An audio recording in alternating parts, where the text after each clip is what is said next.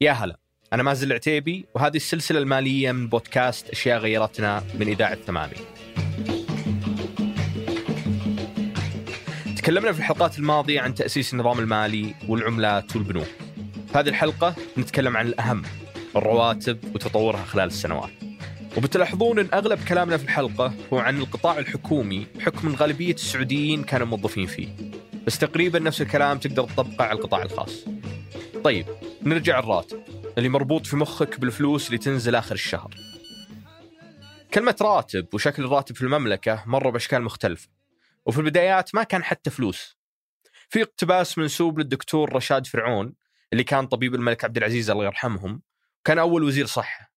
يقول الاقتباس كانت رواتبنا تقدم لنا على هيئة حبات من الحبحب البطيخ ونذهب إلى السوق لبيعها ونحصل على المال. ويمكن هالشيء لأن وقتها ما كان في نظام مالي زي ما ذكرنا في الحلقات السابقة. وإعطاء الرواتب على شكل مواد غذائية كان شيء متعارف عليه بحسب كلام الأستاذ سعود عبد الغني. مثلا أحيانا ما في فلوس فكانوا طبعا مسألة يعني يعطوا مثلا الموظفين هذول أرزاق. الأرزاق هذه طبعا إيش إحنا نسميها الأرزاق؟ اللي هي رز وسكر وشاهي و... وقهوة وبن وأشياء زي كذا يعني استخداماته الشخصية لبيته. يعني زي مسألة المقايضة حتى مقايضة كانوا في ناس يشتروا وهذا الأشياء دي أنا لحقت عليها وأنا صغير طفل. يعني في ناس اشترى جدي اشترى بيت ب 63 كيس رز. إعطاء الراتب على شكل غذاء كان لعدم وجود تنظيم واضح للرواتب وتقسيمها. وكانت هذه المشكلة من المهام اللي أوكلها الملك عبد العزيز لمجلس الشورى لما تأسس. أنشأ مجلس الشورى من عدد محدود من أعيان مكة لكن النظام بدأ في 45 ثم من 46 هجري والنظام اللي اعتمد 47 فمن 47 و46 في أنظمة تسير عليها خلينا أقول لك الرواتب الأعمال جميع الأعمال. لكن نظام الخدمة مدنية أو موظفين ما كان موجود. حتى أكاد أقول أنه ما كان موجود موظف يعني بسجلات الموظفين. يعني كلها كانت أمور زي ما تقول هي أكثر ما تكون مهام. الملك عبد العزيز لما يكلف أحد كان يعطي مهام ويعطوا أجر. الأجر كيف؟ تعرف كانوا يعطون مثلا إما قاعدة أو مناخ أو شرهة أو بروة إلى آخره يعني. ومنصور يقصد بالبروة أو القاعدة هي أنك تعطي الشخص راتبه بشكل سنوي أو نصف سنوي أو في مناسبات معينة زي الأعياد أو رمضان. ممكن كانت هالطريقة أسهل في ذيك الأيام لأن ما في طرق تحويل سهلة حتى إيصال الرسائل والأوامر ياخذ وقت. فممكن كانت تتوزع بهذه الطريقة عشان يكون الموعد ثابت وسهل وواضح للكل. أما صرف الرواتب في بقية المدن أيام الملك عبد العزيز كان له ترتيب خاص. الملك طبعا كان يخول فلان وفلان وفلان وفلان. في الغالب هم الأعيان البلد. يعني لما تقول في أبها في خميس مشيط في حفر الباطن في جيزان في الأعيان ال- ال- الأعيان الم- المال والاستثمار في البلد هذول خلاص يكونون هم مع الملك عبد العزيز طبعا حقوقهم واصلتهم بالكامل لكن هم آه، المكلفين في خزينة ال- البلدة هذه يعني أوكي. إيه يصرفون. وتعرف يعني أسماء أقدر أستحضر لك أسماء كثيرة أبو ملحة في المنطقة يعني خلينا نقول في خميس مشيط أو في آه، آه، القصيبي الذكير آه، التجار طبعا وكان في. جدة عدد كبير ومع توسع المؤسسات الحكومية وازدياد عدد الموظفين فيها بدأت تظهر الحاجة لموظف موارد بشرية. بس المسمى كان مختلف ذيك الفترة. النيابة العامة في الحجاز كان يرأسها الملك فيصل والملك عبد العزيز في الرياض.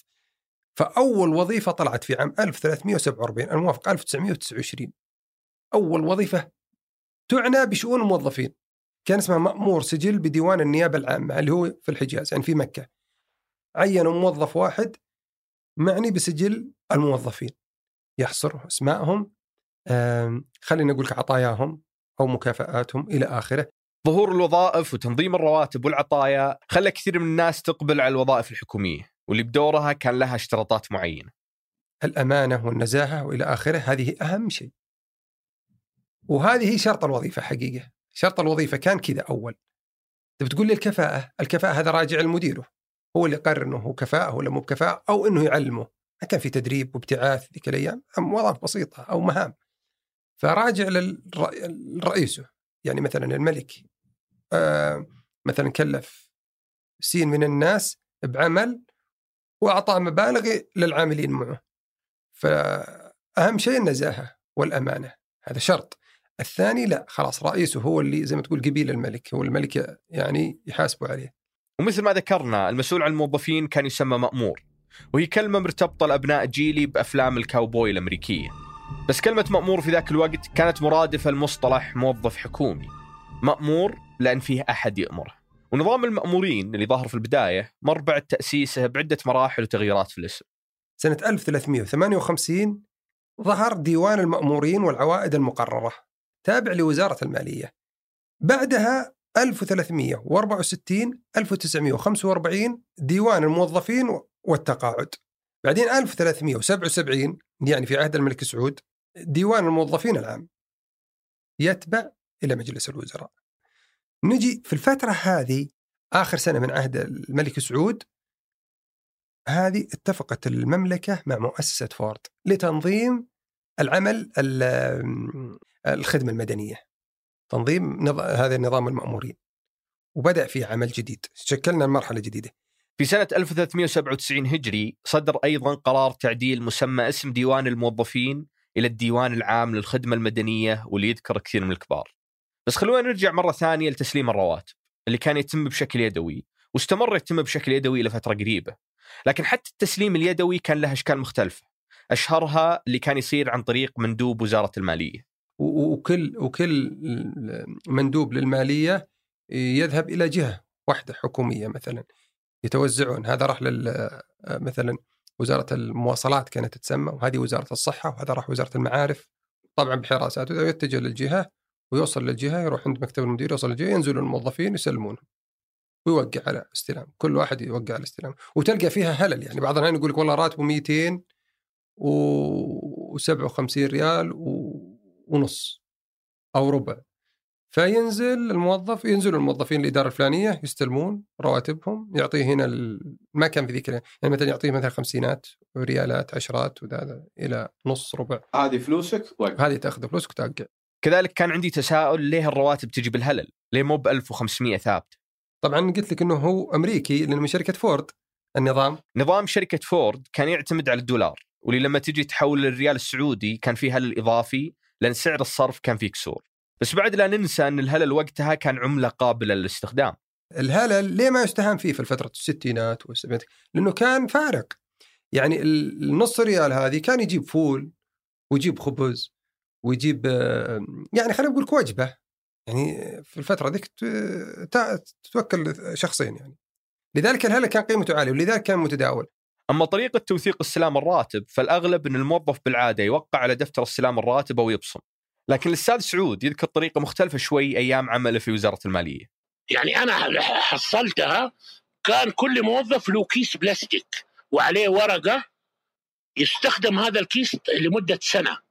يعني خلاص أنا مثلا جيت الحين في شهر محرم استلمت راتبي مكتوب عليه في خانة شهر محرم كذا أوقع عليها وخلاص أرد هذا للصراف وانتهى الموضوع. قبلنا تقريبا بنفس الطريقة. الطريقة اللي شرحها الأستاذ سعود كانت تستخدم في عدة جهات إلا أن التعليم كان أحد القطاعات المثيرة للاهتمام في موضوع الرواتب. فالمدارس الحكومية ما فيها أمين صندوق ولا كانت تحتاج لأن التعليم مجاني فما في إيداع فلوس. هذا خلى موضوع تسليم الرواتب للمدرسين مختلف ومتغير. كان في يجي مندوب من التعليم ويستلم رواتب المدرسين والمدرسات ككل. وبعد كده مندوب التعليم هذا يعطي مندوب رئاسة تعليم البنات هذاك الوقت. طبعا ما يخصهم من مبالغ. فيما بعد برضو تغير النظام لما جاء نظام سريع فكانت كان يجي كل مدير مدرسة. أنا لحقت على الشيء ده. يجي يستلم رواتب المدرسين اللي عاملين معاه في إدارته. وتسليم الرواتب في مدارس الأولاد كان عادي. يجيك مندوب الوزارة ينادونك تستلم راتبك. بس المشهد في مدارس البنات والمدرسات كان مختلف شوي مثل ما قالت لنا الأستاذة فوزية. أذكر كان يجينا رجل يحضر المدرسة رجل ويتم استدعائنا كل واحدة حسب اسمها في المسير ونطلع للأستاذ كان يحضر في غرفة مديرة المدرسة. آه، فلانة بنت فلان ويضع إيده هذا اسمك؟ كامل صحيح. هذا راتب صحيح يعني اللي استلمتيه الشهر اللي سبق. خلاص آه، أوقع وأستلم الراتب. كان في صراحة حتى لو كان نقص أو زيادة ما كنا ما كنا صراحة نتأكد وناخذ ونعطي في بداية حياتنا. وتعرف استقبال رجل وذاك الوقت بعد الحياة ما كانت زي الآن. الأستاذة فوزية تدرجت في السلم الوظيفي وبعد ما كانت مدرسة تنتظر دورها عشان تستلم الراتب صارت مديرة. ومسؤولة عن توزيع الرواتب على مدرسات. آه، شفنا الأخوان في الإدارة يتصلون على كل مديرة مدرسة ويفيدونها إنه بيتم تسليمة المبلغ كاش تقومين بتسليمه لمعلماتك.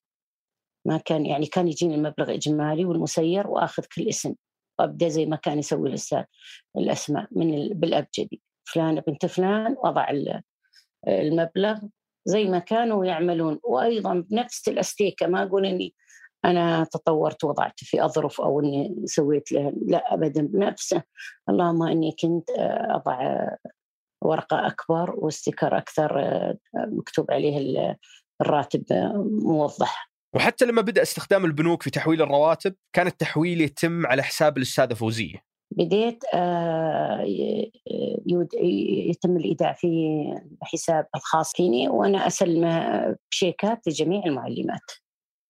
أعطيهم شيكات بحيث أنها توقع على المسير استلام الشيك وتراجع راتبها في الشيك وعلى المسير.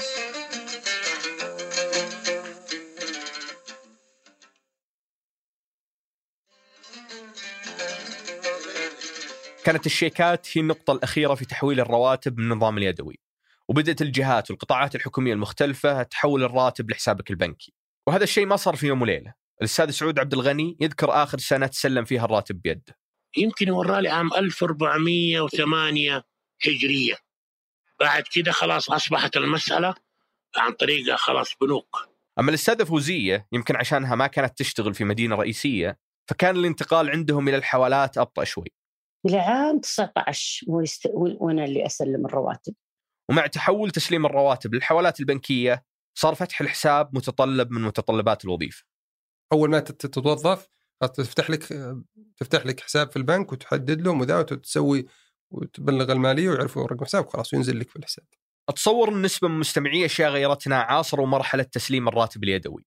بس الآن خلاص صار الكل يجيه راتب على حسابه البنكي. ويمكن الاختلاف بين القطاع الحكومي والخاص كان في تاريخ التسليم. حتى لو ما كنت موظف حكومي فأنت تعرف متى ينزل الراتب. والله إحنا تقريبا كنا في المؤسسة يوم 25 25 من كل شهر هجري. تقريبا كنا نستلمه يوم 25 آه، بس كان فيه أحيانا اختلاف يعني مو الأكيد 25 تعرف الطوارئ النقل اللي هم الأساتذة اللي كانوا يحضرون الراتب من قسم المالية أعتقد أو الرواتب في إدارة التعليم. هذا مثل ما ذكرنا الموظفين اللي على رأس العمل. أما المتقاعدين فكانت تنزل رواتبهم في تاريخ مختلف. ان اليوم 15 في الشهر إيه يعني اليوم ينزل الراتب إيه بينزل الراتب التقاعدي وبش في يناير 2018 أقر مجلس الوزراء إن صرف الرواتب يصير بالميلادي وصار يتسلم في يوم 27 من كل شهر ميلادي. بين المتقاعدين في يوم 25 ميلادي. بس لا يزال 25 هجري له مكانة عند الجيل القديم. وله ذكريات سجلها البعض في قصايد زي الشاعر أحمد السكران يوم يصور علاقة الراتب بالموظف. يا أبو علي في يوم 25 تقضي رواتبنا قبل لا تجينا. ما بين ديانة وجار ورعين توخذ دراهمنا ولو ما درينا. نختم هذه الحلقة برحلة مع منصور في سلم الرواتب. بالإضافة لأصل كلمة مربوط اللي كانت تشير للراتب زمان. ونذكركم نهاية الحلقة فيها مقتطف من حلقة الأسبوع الجاي. نشوفكم على خير. قبل لا يتوفى الملك فيصل تقريبا شهرين. زيادة الرواتب خليني بقول لك الأولى. أول مربوط فيها 600 يسمى المربوط. ليه مربوط؟ لأنها كانت تربط فلوس. يوم تقول لي فلوس نقد كانت تربط بمغاط ولا شيء. وقبلها كانت بناقد كانت تربط. كيس. المرتبة الخامسة عشر 6610 لا زالت يعني تصور قليلة يعني آه بس زي ما قلت لك المعيشة بسيطة. شوف عهد الملك خالد. زيادة. 1397 الأولى استلم ستة وخمسة آه ال 15 7405 كويس؟ ها توهم. الزيادة الثانية في عام 1397 صارت الأولى 1015 وصارت الخامسة عشر 9255 الخامسة عشر. هذا أول مربوط ترى. يعني بتجيك المربوط الأخير تلقى مرتفع 13000 14000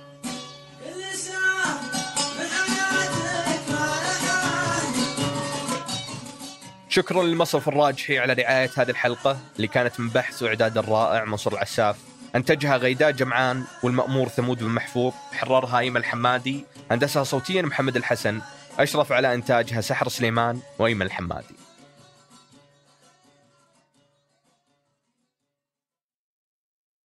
تلقاهم مالين الصالة وبيعوا اسهم إيه، وبيعوا اسهم تشوفوا وعرفت الأحمر والأخضر ولا السوق أخضر السوق. أخضر السوق أحمر و...